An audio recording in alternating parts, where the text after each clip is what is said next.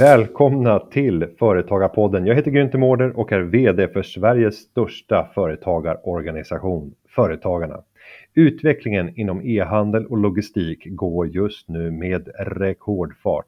Hur kan småföretagare hänga med och konkurrera med de stora jättarna? Det här det ska vi fokusera på i veckans avsnitt av Företagarpodden. Och vi säger varmt välkommen till Karl Helgesson som är grundare av konsultbolaget Rancona Mason och som hjälper varumärken att lyckas på Amazon globalt. Trots pandemin är han en av landets mest anlitade föreläsare. Idag så ska han dela med sig av både sina misstag som han själv lärt sig från e-handel men framförallt inspirera oss kring de framgångar som han har med sig och som han har gjort till sitt livsverk att inspirera andra kring. Varmt välkommen Karl till Företagarpodden! Tack så jättemycket, vad ära att få vara här! Och jag tänker att jag från början bara vill förstå, vad var det som gjorde att du hamnade i e-handel? Ja, det, det, kan man ställa frågan, eller jag ställer mig den frågan själv ganska ofta egentligen eftersom jag egentligen är väldigt oteknisk. Jag kunde liksom skriva på Word och kanske svara på ett e-mail och en Facebook-post. Men det är faktiskt som så här att jag hade en vän som sålde på Amazon, detta var alltså 2012. Och jag blev inspirerad av hennes framgångar och fördjupade mig i Amazon 2013 och insåg att oj, Amazon omsätter flera hundra miljarder per år. Och om man ser Amazon som en liten sockerkaka tänkte jag, om jag tar en liten pincett och plockar ett korn ifrån den här jättekakan, ja, det blir ganska mycket pengar och det var det som fick mig att, att uh, jobba med e-handel i allmänhet men framförallt och Amazon i synnerhet. Då. Och det blev då omedelbart ditt val av kanal. Hade du andra försäljningsplattformar utöver närvaron på Amazon? Nej, faktiskt inte. Jag hade ingenting då ö, överhuvudtaget när jag hade e-handel utan jag började med Amazon med fokus på Amazon. Eh, och jag har byggt fem varumärken på Amazon sedan dess. Eh, och sen då har det liksom någonstans på vägen kan man väl säga, det har ju också lett till, till andra typer av entreprenörskap. Bland annat då som du, nämnde, du nämnde konsultbyrån Rancona Amazon där vi hjälper andra att lyckas. Men just det här att under den här resans gång har jag sett att det, det, finns en brist på kompetens när det gäller eh, Amazon generellt i Sverige. Då det har ju också lett till att jag vill vara med och dela med mig. Det är därför jag har gjort alla de här föreläsningarna bland annat som, som du nämnde i början. Och då har jag också skapat en Amazon-utbildning, komplett nordisk Amazon-akademi, KNA. Då. Så att det har helt varit fokat på Amazon. Sen är det så, så att du kan få din e-handel generellt att växa genom att lyckas på Amazon tack vare att du konverterar Amazon-kunderna till din egna e-handel. Och om vi då tar eh, en entré på en stor försäljningsplattform. Behöver man veta mycket om de produkter som man ska sälja och få ut via en sån här internationell jättekanal? Alltså här är det, framförallt handlar det väl om att du måste kunna Amazon och det är egentligen det tror jag som skiljer också mycket. Det här att eh, det finns en stor, när du tittar på Amazon idag, nästan vad du än söker på så så ser du massa små okända varumärken, alltså små egna varumärken du aldrig sett förut, men du ser knappt några stora välkända varumärken längre. Och det är för att de stora aktörerna inte lärt sig Amazon, medan små enskilda företagare har tiden att lära sig Amazon och lyckas mycket bättre. Så att eh, svaret på frågan är egentligen, produkterna kanske spelar mindre roll, utan kunskapen om Amazon spelar en större roll. Eh, det är nummer ett. Sen är det så att Amazon i sig är väldigt transparent med datan. Eh, och Amazon har fått mycket kritik för det. De är ju stämda av EU bland annat att, att man, eh, man kopierar säljarnas produkter och säljer. Men vad man glömmer bort i det sammanhanget är att Amazon är ju så pass transparenta i datan så när jag väljer en produkt som jag vill sälja på Amazon, då kan jag med, tack vare öppenheten på Amazon se hur är konkurrensen, hur är efterfrågan, hur är försäljningsvolymerna, hur mycket säljer de, den här konkurrenten till exempel och det har jag med mig när jag gör mitt val av produkt. Och på det sättet så kan man hitta hål i marknaden och man kan hitta efterfrågan och man kan hitta försäljningsvolymerna. Så att, eh, det är ju en, en, en, liksom ett guldläge för alla som vill sälja fysiska produkter. Men om vi nu tar med pandemin i färskt minne, en handlare som har en lokal centralt i staden där man bor Eh, det är ju de som verkligen har fått lida allra mest av restriktionerna för det är stadskärnorna som har tömts framför allt. Det är inte förorten och ytterkanterna och byarna. Eh, om man nu då är handlare, bör man tänka att jag måste lägga om strategi För idag så utgörs ju e-handeln tror jag 14-15% av den totala handeln i Sverige men det är 10 mm. procentenheter högre om det går till Storbritannien. Mm. Bör en, en handlare idag som har en fysisk butik tänka om enligt dig om vi pratar i generella termer? Ja, men det tycker jag nog absolut och det kan jag väl egentligen bara se till de som går vår utbildning då, KNA. Där är många, faktiskt exakt som du beskriver, handlare som går vår utbildning på grund av att, att de vill ställa om. De vill hitta an, en annan försäljningskanal och där ser de då Amazon som en, som en kanal där de både kan jobba lokalt i Sverige men även globalt då på ett ganska enkelt sätt som Amazon erbjuder. Så svaret är ja.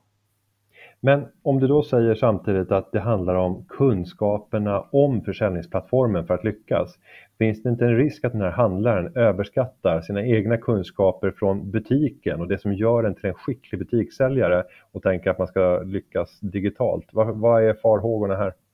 Ja, äh, så här är det ju. Farhågan är ju att konkurrensen på Amazon är ju såklart oerhört stor. Jag menar när du har en butik, då är det din butik och kunderna kommer in och handlar i den butiken. I det här fallet så är det ju du som marknadsför dina produkter i den jättestora butiken Amazon. Och där är ju du helt plötsligt en av miljoner säljare som säljer liknande produkter som du. Och, och då blir ju såklart konkurrensen mycket, mycket tuffare och där, därav behöver man en kunskap om hur hittar kunderna mina produkter på Amazon? Eh, för många tror att det bara då att lägga upp sina produkter, att man laddar upp dem som en produktkatalog nästan, men så funkar inte Amazon utan Amazon är mer komplext. Du behöver liksom ha goda positioner och god ranking när kunderna söker efter dina produkter för att lyckas. Men skaffar du dig den kunskapen, då har du också en, eh, kan du få en extrem hävstångseffekt på Amazon som mycket större egentligen än vad du kan få i din lokala butik. Och om vi då går till dina vunna, vunna erfarenheter. Du sa att du har jobbat med fem stycken egna varumärken på Amazon. Något av dem har säkerligen kanske inte flugit på det sättet som du önskade och något flög bättre. Mm. Om vi börjar med det som inte funkade, vad var misstagen bakom som du tycker att andra bör undvika? Ja, framförallt två misstag skulle jag säga. Ehm, så, här är det, jag startade ett, ett varumärke eh, och det gick väldigt bra, sen sålde jag av det. Sen startade jag två nya varumärken som gick bra, sen valde jag att starta ett tredje samtidigt och där blev det stora misstaget. Det blev alltså för mycket. Jag tappade fokus helt enkelt eh, från det här sista jag startade, så det fick inte den kärleken och den omvårdnaden som, som det förtjänade. För man behöver ju ändå, det är ju lite så där, där man, den växt man vattnar, den växt, växer ju så att säga. Det var det ena. Det andra var att jag hade stora problem med leverantören, det vill säga att jag sålde slut ideligen. Att sälja slut på Amazon, det är liksom en, en kan man säga, en dödssynd. För när du väl har lyckats få upp en produkt, så när, om, om vi säger att jag säljer en pepparkvarn och jag kommer upp på sidan 1, så när folk söker på pepparkvarn så ser de min pepparkvarn och de, många köper min pepparkvarn. Om jag då säljer slut, ja, det gillar inte Amazon för jag har ju liksom visat här att jag har skapat ett behov bland kunderna. De vill köpa min pepparkvarn och sen kan jag inte hålla lager. Så när jag väl får produkten i lager, ja, då blir det svårt att ta tillbaka den här positionen. Så då kanske jag hamnar några, om jag låg nummer tre på Amazon på ordet pepparkvarn, då kanske jag ligger nummer sju när jag får tillbaka i lager. Problemet var att jag sålde slut väldigt många gånger. Jag hade väldigt svårt att hålla uppe efterfrågan. Och det gjorde att till slut så ville inte ens Amazon ha mig på sidan 1. Och det är klart att det är en väldig skillnad att, att ligga på sidan 3 mot att ligga på sidan 1 på Amazon. Så det, det, är de två ska jag säga mina största misstag. Att inte lägga tillräckligt med fokus och att jag hade en leverantör som, som inte kunde eh, liksom leverera i, i tid då, som gjorde att jag sålde slut ideligen. Och om vi då fortsätter med eh, misstagen man ska undvika och du säger att du gav inte tillräckligt mycket kärlek och omvårdnad. Vad betyder det? Vad är kärlek och omvårdnad på Amazon? Ja, det är en väldigt bra fråga. Nummer ett är ju kundservice och kundvård. Tittar man hur Amazon är uppbyggd idag så handlar egentligen Amazon handlar om en enda sak och det är kunden i fokus, det vill säga slutkunden i fokus. Så att Amazon lägger, man kan ju se hur Amazon är uppbyggt på sättet du kan beställa produkter. Du kan beställa på din i din webbläsare i datorn, i, i webbläsaren i mobilen, i Amazon-appen. Idag kan du beställa genom att tala till Alexa, alltså deras voice first-teknologi och beställa. De har flera olika leveransalternativ, allt från standard till endagars leveranser till 12 timmars leveranser och eh, Amazon Lockers och så vidare och, och har förberett returerna. Så Amazon jobbar alltid med det och det ser man också varför Amazon går så bra. Ja, det är inte bara utbudet av produkter utan det är tryggheten hos slutkunden. Det ställer ju också krav på mig som säljare på Amazon. Det vill säga att jag behöver svara, besvara alla kundmeddelanden innan 24 timmar. Annars får jag vad som kallas ett lägre seller score. Seller scoren påverkar också min ranking indirekt.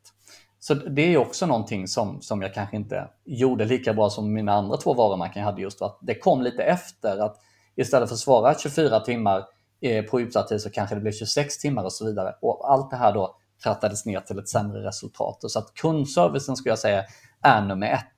Men, men eh, när man satsar på Amazon, de flesta gör ju det här väldigt bra som tar det seriöst och då går det ju bra. Liksom. Men kundservicen är A och O för att lyckas på Amazon.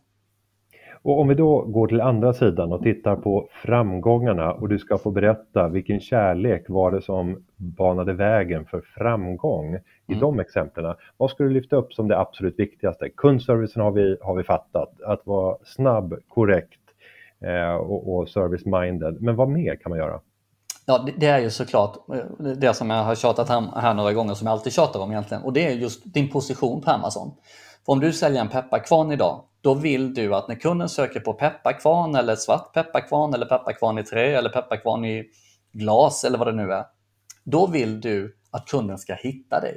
Så det handlar alltså om din position. Och jag brukar ta den här liknelsen, jag älskar Bruce Springsteen. Jag har sett 30 Springsteen-konserter. 27 av de konserterna har stått längst fram och jag, eh, när jag har mina föreläsningar har jag en bild där man ser Ullevi, 70 000 människor, Springsteen står och så ser man en kille i vit t-shirt längst fram som står med händerna i vädret och det är jag. Och då brukar jag säga att vi sju som står här längst fram, vi fick ju best return on investment för vår biljett. För alla biljetter kostar ungefär lika mycket.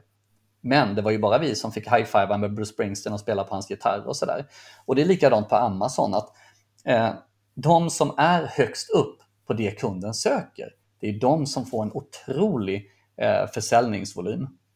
Och det där kan gå väldigt, väldigt snabbt på Amazon om man gör sakerna rätt. Och det går ju också tillbaka till att man, man måste göra sakerna rätt för att komma upp på sidan 1. Men gör man det, då, då, då kan det gå otroligt. då, då handlar det egentligen om en sak. Se till att ha fulla lager. Eh, så det, det är verkligen framgångstipset på det. Och jag undrar om jag ska rätta din berättelse där när det gäller Springsteen och, och return on investment. Eh, jag har också sett Springsteen vid mm. två tillfällen eh, men inte ens varit inne på Ullevi utan stått på berget på Prospect Hill på andra Aha. sidan, på Örgrytesidan. Okay. Tittat ner och fått mig en glimt och hört ljudet relativt bra. Ja. Men då till en investering om noll kronor. Ja, jag undrar vem som fick högst avkastning på investerad krona. Det beror sig nog på hur mycket Springsteen-nörd man är. Jag fick ju hälsa på honom och sådär, så det, det, det, håller jag ju högt såklart. Det är väl ja, individuellt jag, får man säga. Jag håller, jag håller det högt, men du har en, en konkurrent här i alla fall. Ja, om, vi då ska, om, om vi då ska gå över och titta på vilka personliga egenskaper tror du är avgörande för att kunna lyckas i den här digitala plattformskontexten. Mm. Och om vi vågar ställa det i relation till gammalt sälj mm. i en mm. klassisk butik, hur mycket skiljer sig de personliga egenskaperna och vad man behöver för att lyckas? Ja, alltså många tror att man för att sälja på Amazon så måste man vara jättehaj på, på, på IT och teknologi och ha liksom jättegoda kunskaper i e-handel sedan tidigare. Och som jag nämnde tidigare, jag, jag hade ingenting av det. Alltså jag är generellt väldigt oteknisk och jag är väldigt ointresserad av tekniska saker egentligen. Men eh, de här sakerna, alltså, jag menar, precis det vi lär ut i KNA till exempel, det är väldigt lätt att implementera. Så när du har rätt kunskap så är Amazon otroligt lätt att faktiskt implementera det på. Det vill säga att du behöver då inga förkunskaper egentligen. Så att Amazon är väldigt lättanvänt och det är likadant det här med till exempel det kanske låter svårt att ah, nu har jag min butik här i, i Gamla stan och jag säljer det här. Hur ska jag kunna sälja det i, på Amazon USA eller Amazon Australien eller Japan eller Tyskland eller vad det nu är. Amazon är, skulle jag säga, det lättaste sättet att exportera idag. Det handlar egentligen om att du replikerar, så säg att du börjar sälja, sälja till exempel på Amazon Sverige och sen går det bra. Då kan du alltså replikera det du gör i Amazon Sverige på Amazon Tyskland eller Japan eller Australien eller USA och kunna liksom röna samma framgång. Du, visst, du får ju anpassa efter språk och de sökorden som finns i det landet. Men det enda du gör egentligen är att lägga upp samma, göra det likadant och sen skeppar du dina produkter till Amazon. Amazon lagerhåller och skeppar ut till sina kunder. Så det är ett väldigt enkelt sätt att faktiskt öka sin exportandelar. Så, att, eh, så länge du kan skaffa dig Amazon-kunskapen, om man säger så, så behöver du egentligen inga andra eh, kunskaper för att lyckas på Amazon. Och, och det tycker jag också gör att tröskeln blir så mycket lägre då. Och man skulle kunna jämföra Amazon med ett eh, digitalt varuhus som fylls upp av andras varumärken. Eh, om vi tar eh, den liknelsen för att eh, förstå hur man ska bli, bli skicklig på att positionera sina varor så kan man då titta på vilka utmaningar ställs man inför när man ställer upp saker på hyllorna i varuhus. Eh, och det är ju konkurrensen som oftast är stenhård och ibland så börjar ju även, låt oss säga en ICA-butik eller liknande, sälja egna varumärken med precis samma varor som de ser att jag blev framgångsrik med. Hur ska man tänka kring de där elementen som kan vara ganska störande? Mm, ja, men, men, det är helt rätt. Eh, och, och, och, många är ju kanske framförallt rädda för det du nämner där nu, att om jag säljer min produkt på Amazon när det går bra, ja, då kommer Amazon hitta en leverantör och sälja en likadan produkt fast 100 spänn billigare eller vad det nu kan vara. Eh, och jag tycker inte man ska vara rädd för den konkurrensen utan snarare så, så välkomna den för det visar att du är rätt ute. Det Amazon generellt, och det, det kan hända att de gör, det har de gjort i, i, i vissa kategorier som jag har sålt. Men det som är återkommande med Amazon att de kan, lägger inte samma vikt, nu tar vi det här med kärlek och fokus, på sin listing. Nu tar, vad är det då? Jo, det är alltså produktsidan den där du säljer produkten. Där du har bilder och du har liksom en, en, en copy, alltså en säljande text och du har sökord och så vidare. Där är Amazon väldigt dåliga. Så att, alltså vi vet att om du gör Amazon rätt, om du kan hur man skriver en bra sales copy på Amazon och hur man har bra bilder och hur du får in sökorden bra, då kommer du slå Amazon för det mesta. Sen visst, ja de kanske är 100 kronor billigare. Men då kommer nästa intressanta sak. Okej, okay, hur ser deras reviews ut? Ja, generellt över tid så får de ganska dåliga reviews, för oftast har de ganska dålig kvalitet, för de går mer på att sälja billiga produkter än vad du som kanske hellre vill ha kvalitet gör. Så att både kortsiktigt och långsiktigt så, så brukar man faktiskt kunna slå Amazon. Så är det. Och nu, nu talar jag mycket om kunskap och så vidare, men vi, vi talade om det innan mötet, att vi har ett webbinar eh, som är förinspelat där vi går med Amazon på djupet, som, som vi ger tillgång till alla som lyssnar på podden, som du går igenom sen vad man hittar. Då. Och där, där kommer ni kunna få lite mer specifika punkter på det här. Då. Eh, så det, det är en del. Så jag tycker inte man ska vara rädd för den konkurrensen, utan snarare välkomna den. För det visar att du är i en kategori som går galet bra. För Amazon går ju inte in i kategorier som går dåligt eller dåligt, men som har låg omsättning och låg efterfrågan. Eh, men sen kommer vi till det andra som du var inne på, det är just här konkurrensen. Du står på den här hyllan med, med alla andra och det handlar egentligen om samma sak. Nummer ett då, som också är viktigt på Amazon, hur står du ut? Om du säljer idag en pepparkvarn och när, när kunden söker på pepparkvarn och det kommer upp 50 stycken pepparkvarnar på sidan 1. Okej, okay, hur kan du stå ut så mycket så att kunden väljer att klicka på din pepparkvarn? Och när kunderna jämför, hur kan du i din text och i dina bilder vara starkare än konkurrenterna. Ja, lyckas du med det, då kommer du konvertera oerhört bra. Eh, så, så, det är också viktigt såklart att våga stå ut. Eh, och, och, sen är det så när vi också talar konvertering, det kan vara kul att veta att generell konvertering om man tittar på, på social, allt från sociala medier till e-mailkonvertering och Google och så vidare så kanske man säger om man tittar någonstans att det ligger mellan 0,7 kanske till 4 4,5-5 eh, i konvertering. Amazon erbjuder otroliga konverteringar. Vi brukar säga så här att ligger du under 10% ja det är, det är sådär. Vi har konverteringar på produkter som ligger mellan 50 och 80% Det betyder alltså att mer än varannan som hittar produkten köper den. Eh, och, och varför är det så? Jo, för att vad gör kunderna på Amazon? de är bara där för att handla. De är inte där för att titta på, på bilder och videos och söka information, utan de är där för att handla. Så konverteringen på Amazon är otrolig. Jag tror inte det finns någon annan plattform som egentligen slår Amazon gäller konverteringsbiten. Mm.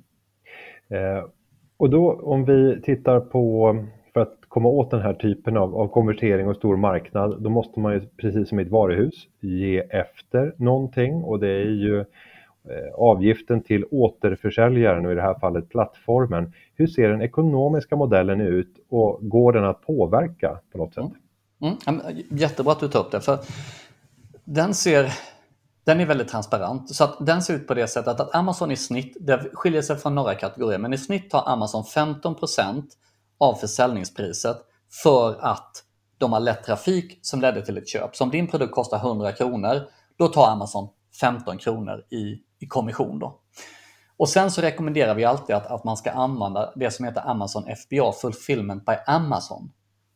Eh, och det finns olika sätt att sälja på Amazon. I det här webbinariet som, som ni länkar till här då i samband med podden, där kan man se exakt i detalj och jämföra så. Men för filmet med Amazon, det menas att du har redan skickat in dina produkter till Amazon, så Amazon lagerhåller. Så att när kunden väl köper produkten, då är det Amazon som pickar och packar och skeppar den till slutkunden. Och skulle nu av någon anledning din kund vara missnöjd, ja, då är det Amazon som per automatik tar tillbaks produkten. Så du behöver inte bekymra dig, allt går per automatik, vilket också är otroligt skönt som säljare då på Amazon.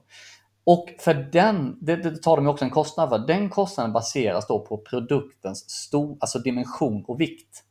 Så det innebär att säljer du eh, liksom, liksom så här, ett korthållare för kort, då blir den väldigt liten och säljer du en mikrovågsugn, ja då är det såklart en större kostnad. Så, så den är inte procentuell utan helt baserad på, på storlekens vikt. Så att du har 15 procent, du har eh, kostnaden för, eh, för pick och pack och sen så har du en månatlig lagerhyra för att de har den på lager. Den är förhållandevis låg, eh, ganska marginell. Sen handlar det såklart om att ha en, en en omsättning på produkter. För att har du produkter som bara är hyllvärmare på Amazon, då har man en dyr ekonomisk penalty då som kommer efter 365 dagar som man ska undvika. Eh, så då får man ju flytta produkterna om man har haft dåliga, eh, dålig försäljning. Då. Men eh, om man ska ta ett exempel. Eh, när jag sålde kosttillskott till exempel, en, en, sån, en sån här burk, eh, och jag tog ungefär 400 kronor för den. Då tog Amazon ungefär 60 kronor i eh, kommission och sen så kostade FBA-avgiften var 3 dollar och 30 cent tror jag det var och med, med dagens då blir det, ja, det blir runt 30. Så det, vad blir det då? Då sa vi 60 plus eh, 30, det är 90. Och sen några kronor i, i, i, i, eh, i, i lagerhyra. Så om vi avrundade uppåt så av de 400 så tog Amazon 100 då. Så där har man in the ballpark som man brukar säga. Men det är ju såklart individuellt. Och sen så var din fråga, okay, hur, hur kan man påverka det? Ja, du kan ju inte påverka Amazon. Det du kan påverka det är att fundera på, okay, hur är min produkt förpackad? Kan jag göra förpackningen smartare så att den tar mindre plats? För Amazon har olika, det kallas size tiers, alltså olika vad säger man, kategorier för, beroende på storlek och vikt. Kan du då komma ner en kategori, det blir såklart mycket billigare då för varje utskick.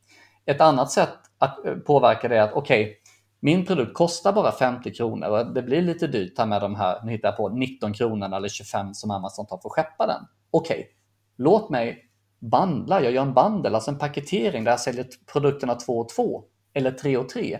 Det blir fortfarande bara en FBA-avgift då, men jag kan ta två eller tre gånger högre pris eh, och därmed påverka min marginal. Så på det sättet kan du påverka det. Och det sista sättet att påverka det, det är på priset. Och genom att sälja som en tredjepartssäljare på Amazon så bestämmer du ditt pris själv och kan på det sättet också påverka din marginal. Då.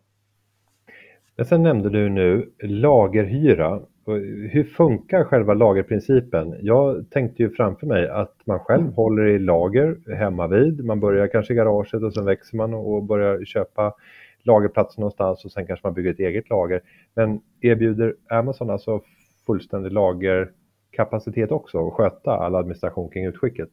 Yes, det erbjuder den och det är det som vi alltid brukar rekommendera. Det rekommenderar jag till mina kunder i KNA. Vi rekommenderar till våra kunder på, på Rancon Amazon. Mina varumärken har alltid haft det också. Så det, det, finns egentligen, det andra sättet som du är inne på här, det heter Fulfillment by Merchant. Och där kan man säga att vi säger att nu ska du börja sälja dina pepparkvarnar på Amazon, men du har dem i, i, i ditt lager eh, någonstans i Sverige, säger vi.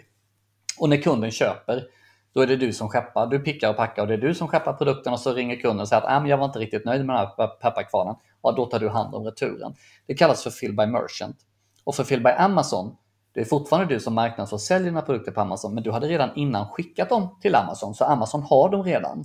Och då är det de som lagerhåller dem och det är de som pickar och packar och skeppar till kunden och det är de som tar hand om returen. Så där, där har du skillnaden. Eh, fördelen med fulfillment på Amazon, det är att dina produkter per automatik kommer in i Amazons Prime-program. Och Amazon Prime kom ju nu fullt ut till, till Sverige här till exempel. Och då, liksom, vad är då Amazon Prime? Ja, mitt i början av pandemin, så nu har det ju ökat, då, då fanns det över 200 miljoner medlemmar i Prime-programmet.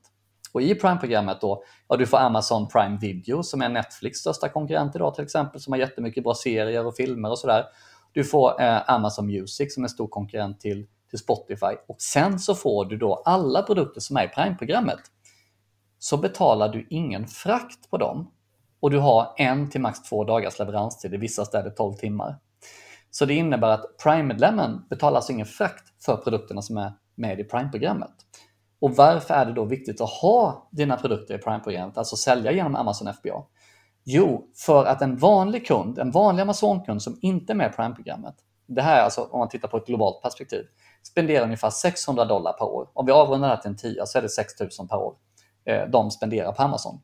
En Prime-medlem spenderar 1400 dollar, alltså 14 000 per år på Amazon, alltså mer än dubbelt så mycket. Så de, är mer, de handlar mer.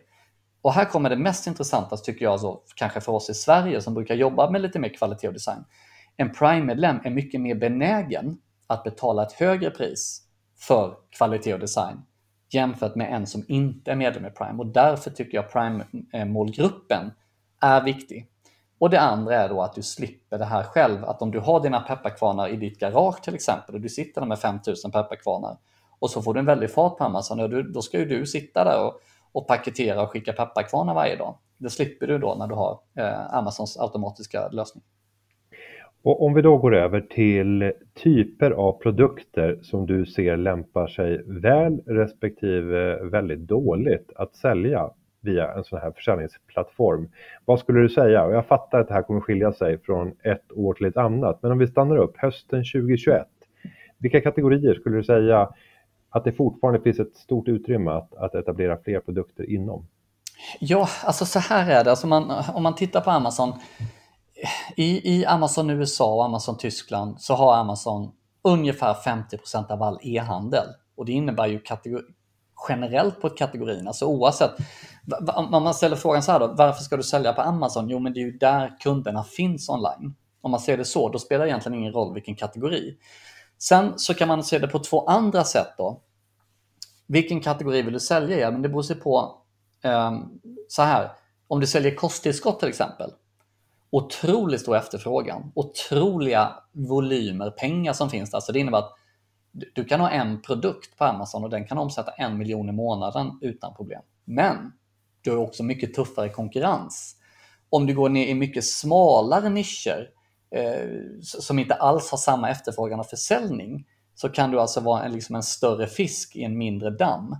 Eh, det vill säga att konkurrensen blir mycket enklare. Så det är en väldigt svår fråga att svara på. Om det är några icke-produkter, ja, det är väl mer i så fall. Så alltså, jag tycker inte det finns några icke-produkter. Däremot finns det produkter som kanske tar, de behöver, det kräver lite mer jobb. Ehm, du måste till exempel om du säljer hazmat-produkter, det vill säga farligt gods, ja, då måste du säkerställa eh, manufacturer data safety sheet och så vidare. Och, och, och liksom det tar lite längre tid att få igenom det på Amazon för du måste bevisa från din leverantör eller från din producent eh, de här värdena som behövs för att Amazon ska, god, Amazon ska godkänna det och sådär. där. sen då, om man tittar på returgrad, så är det väl eh, om, om, man säljer elektroniska produkter från Kina till exempel, så vet jag att vissa där har haft problem med kvaliteten. Och det, som, det kanske man ska undvika då, om man inte är säker på sin leverantör. För att får du för mycket klagomål nu som vissa har fått, då stänger ju Amazon av den produkten och då kan du inte sälja den och sitter du på ett stort lager, då har du ett problem såklart. Så det är möjligtvis det jag skulle undvika då om, om, jag, ska, om jag ska säga någonting. Eh, I övrigt så handlar det mer om eh, reward versus risk så att säga. Mer att vill jag gå in i en kategori där det finns jättemöjligheter att tjäna otroliga pengar. Och jag, jag ska ge ett jättespännande exempel. Jag gick en, när jag gick min första utbildning i USA 2013 så träffade jag en kille som heter AJ han startade, och vi har liksom haft kontakt, vi har startat olika varumärken. Han startade ett varumärke i en jättetuff kategori 2016. Men han har lyckats jättebra, så han gjorde en exit på det för ungefär fyra veckor sedan för 610 miljoner dollar. Alltså ungefär 6 miljarder. Så han har tagit sitt lilla private label till ett jätte bara på Amazon och det är så häftigt. Eh, men det är såklart tuff konkurrens. Eller så kan man gå in och titta på något litet. Där man, ja, jag ska sälja saltkar på Amazon.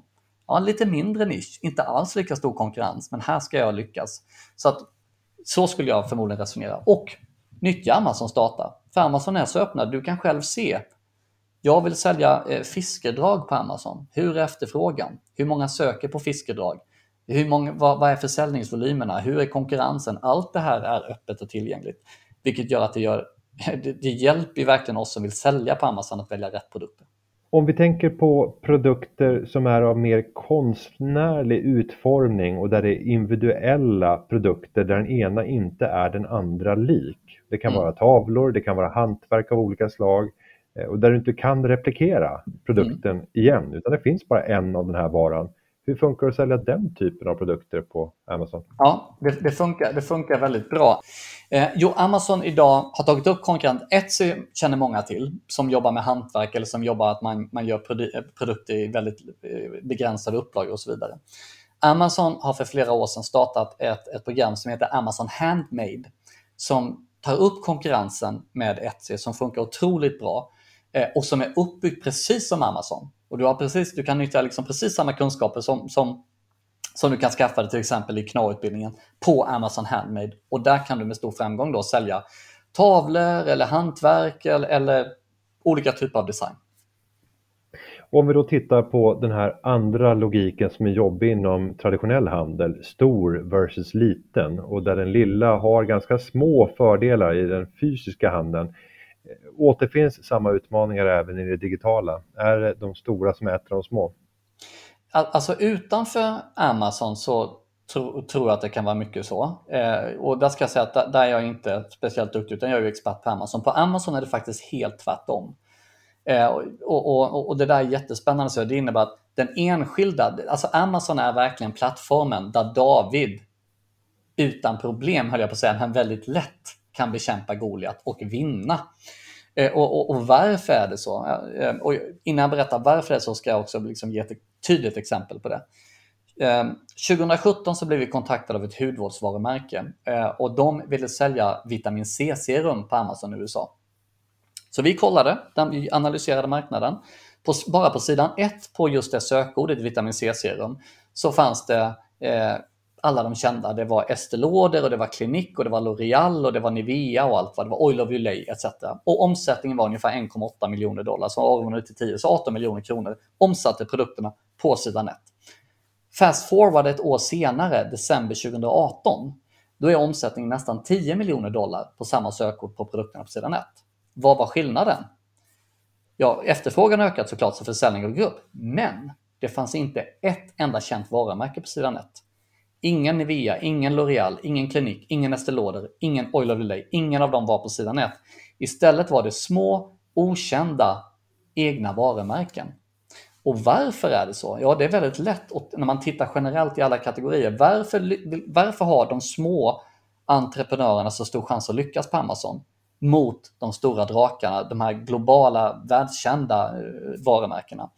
Jo, för att de globala stora världskända varumärkena, nummer ett, de har väldigt sällan kontroll på sin Amazon-försäljning. De har inte kontroll på sitt varumärke, de har inte kontroll på vem som säljer och det innebär att de som säljer har oftast ingen koll på Amazon, hur Amazon fungerar. Eh, det andra är, att, som man alltid ser, det är att ett stort varumärke ser mer Amazon som en produktkatalog. De använder sitt PIM-system och sen laddar de upp tusentals SKUs på Amazon. Men de saknar SEO, det innebär att kunderna hittar inte dem, utan de tror att man kan sälja på varumärket. Men 80% av alla sökningar på Amazon är på produktsökord, inte på varumärke. Så där tappar de jättemycket. De har dålig sales copy, för det kommer direkt från produktkatalogen, inte anpassat för Amazon och det är ganska dåliga bilder. Och, och sen så liksom, anpassar de inte sin marknadsföring på Amazon efter hur Amazon fungerar och de testar ofta, de har inte samma liksom, aggressiva approach på att ranka som en, en liten entreprenör. Och varför lyckas de här små enskilda varumärkena som, som drivs av en person eller två kanske? Jo, de, de, nummer ett, de väljer produkter efter vad som funkar på Amazon. De, titt, de nyttjar ju Amazons utbud och ser att jaha, jag idag i min butik här i, i Vasastan, jag säljer pepparkvarnar och jag säljer vattenglas. Är vattenglas, ah, det ser ut sådär på Amazon, men pepparkvarnar, ja, den ska jag sälja. Så man, man, man, istället för att kasta ut alla produkter man har så väljer man den produkten. Många gör också så här. Jag har ett jättekul exempel på det på, på ett par som gick KNA-utbildningen som sålde kashmirsjalar. De har en webbshop i, i, och säljer kashmirsjalar. De gick utbildningen och lärde sig se den här analysen och sen insåg de hmm, vi ska inte sälja kashmirsjalar. Men de här eh, kosttillskotten, de ska vi sälja. Så de startade istället ett helt nytt bolag, vilket är häftigt, och har lanserat i USA. Det går jättebra. Så att man väljer alltså produkter efter hur, marknaden ser ut. Och sen så anpassar man. Man anpassar SEO och säljskopie och bilder på ett mycket bättre sätt för att passa på Amazon än vad de stora drakarna gör. Och man ser till att ranka sina produkter. Det gör inte heller de stora drakarna. Och därför så är eh, spelplanen på Amazon så att det är en fördel snarare att vara liten än att vara en stor drake.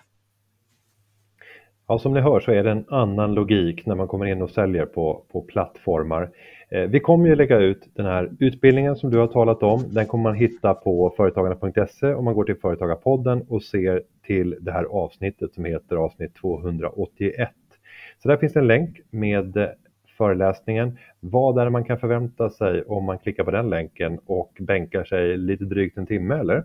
Ja, en jag tror det är en timme och fem minuter, eh, till och med nästan på sekunden. Eh, vi har ju hållit flera föreläsningar på Amazon eh, och det här är en av dem som vi har spelat in. Och det här ser vi egentligen som ett första steg, att lära sig grunderna med Amazon. Ehm, ehm, så det här är ett webbinar som det passar den som är nyfiken på Amazon eller kanske till och med lite rädd, känner Amazon som ett hot här i Sverige och globalt. Ehm, och för att kunna se, okej, okay, är Amazon något för mig och för mina produkter eller till och med jag kanske inte ens har startat företag eller inte har några produkter eller inget varumärke. Är Amazon något för mig? Eh, den är väldigt transparent och visar det här är alla fördelar med Amazon. Det här är alla utmaningar med Amazon. Det här bör du känna till.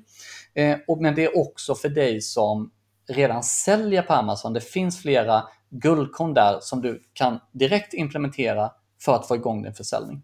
Så, så den har varit väldigt uppskattad och när vi höll den så var det ungefär 400 som deltog på, på just det här webbinariet. Nej, så att in och titta på föreläsningen och sen eh, måste jag ju få avsluta för eh, lite objektivitetsvinnande. Det, du talar om Amazon eh, eh närmast eh, lyriskt eh, och, och vi, vi, har väldigt få baksidor. Om du ska få avsluta med att nyansera någonting och säga så här, vad finns det för baksidor med de här plattformarna och framförallt Amazon? Mm. Ja, men, men, det är jättebra och där är vi väldigt transparenta. Vi, många, jag brukar ställa frågan när jag har en föreläsning. Vad tror ni är Amazon vår bästa vän eller är det vår värsta fiende? Och svaret är egentligen att det är både och. Vi ser Amazon som Dr. Jekyll och Mr. Hyde. Alltså det har verkligen två ansikten. Det är en av de positiva sakerna, vi har nämnt mycket, men det är liksom du kan få en otroliga försäljningsvolymer. Det är väldigt bra om du är en liten företagare, för du kan, det är egentligen den enda plattformen du kan lyckas mot de stora varumärkena. Och eh, du har den här eh, med FBA, alltså den här enkla logistiken och det är så otroligt lätt att exportera. Så du har massa stora fördelar. Nackdelarna då, som, och det är jätteviktigt att man känner till de här. Ja, det ena är ju såklart att, jag, jag sa det innan, vad är viktigast för Amazon? Jo, det är slutkunden. Det vill säga att jag som säljare är inte lika viktig för Amazon. Och man måste någonstans vänja sig med att man är någonstans längst ner i näringslivskedjan. Okej, okay, hur, hur artar sig det då? Jo, så länge Amazon går, går bra så är det frid och fröjd och guld och gröna skogar. Men när man får problem och ska vända sig till säljarkundtjänsten så kan man inte alltid räkna med bra hjälp utan ganska dålig hjälp, ibland ingen hjälp. Och det är någonting man måste ha med sig. Och sen är det ju så att man ska också ha med sig att vi gick igenom kostnader där, men, men Amazon tar en del av kakan. Och jag har sett eh, exempel när folk lanserar produkter där de inte har tillräckligt marginal och sen tittar men oj, jag går ju minus här. Alltså det är viktigt att göra kalkylen innan man lanserar och ser man att det inte går ihop, ja, men då får man göra en band eller man får justera priset eller vad man nu vill göra. Då. Så det är också en jätteviktig sak. Då. Och, och sen så handlar det om såklart att, att, att kunna, att man behöver kunskapen för att lyckas på Amazon. För det finns miljontals säljare som inte har kunskapen, som bara lägger ut produkter men, men de säljer ju ingenting och då blir det ju en kostnad för Amazon. Om du då använder Amazons lager men du säljer inget, då har du en kostnad varje månad. Och sen det sista då, att, som är jätteviktigt, att man håller sig inom det som kallas för Amazons Terms of Services. Alltså Amazons regler och ramar. Eh, och, och, går man utanför det eh, och, och, du är på ska säga, den, den, den, svarta sidan av staketet, ja, då kan du alltså bli avstängd på en sekund. Eh, och, och då är du inte välkommen tillbaka till Amazon om det är riktigt illa. Då. Eh, så, så det är liksom, man behöver liksom ha koll på de här sakerna så man inte är ute och tassar i träskmärken och fastnar. Liksom. Så att där har du de bästa sidorna med Amazon och där har du de tuffaste sidorna som gör Amazon svårt. Och så det, de båda ska man ha med sig tycker jag. Stort tack Karl Helgesson för eh, värdefulla inspel och jag tror att du upplyst eh, både mig och många lyssnare i hur det funkar och eh, frestat lite grann kring att hämta mer kunskaper. In och titta på föreläsningen som vi lägger upp på avsnittet 281 om du går in på företagarna.se. Har du något sista medskick till lyssnarna? Ett sista medskick, ja men det är såklart att ha, om du funderar på Amazon så börja in och sälj. För, för, så här är det, Amazon är ett tåg som redan har liksom lämnat perrongen egentligen, men det finns fortfarande stora möjligheter. Jag tror att går man och funderar på Amazon så, så bör, ju tidigare du börjar desto bättre. För ju tidigare du får ett försprång desto bättre. Och det finns otroliga möjligheter på Amazon. Så att det, det, det, är dumt att vara nyfiken och vänta två år när konkurrensen är mycket värre än vad det är idag. För jag har ju sett varje år konkurrensen öka, men det är fortfarande väldigt bra lägen att, att göra Amazon. Mm. Stort tack!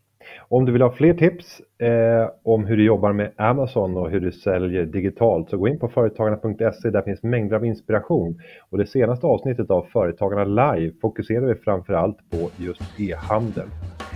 Klippningen av det här avsnittet är som vanligt gjord av Petra Chu och underlaget är gjort av David Hagen. Vi tackar Karl återigen för ditt deltagande och vi säger vi hörs igen nästa vecka. Tack och hej!